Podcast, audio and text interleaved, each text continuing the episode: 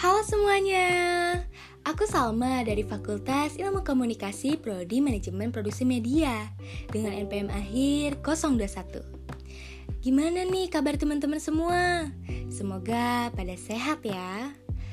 Kali ini aku mau ngejelasin nih tentang mana sih yang aku pilih, radio atau podcast ya. Nah, kalau aku pribadi nih, aku lebih memilih podcast yang kayak kalian dengar ini. Karena menurut aku ngedengerin podcast itu seru banget. Kita jadi bisa ngedenger perspektif orang lain tentang suatu hal. Dan di podcast juga kita bisa milih mana sih yang lebih pin kita dengar. Dan untuk aku yang lebih suka mendengar berbagai pandangan orang lain, podcast tuh cocok banget buat aku.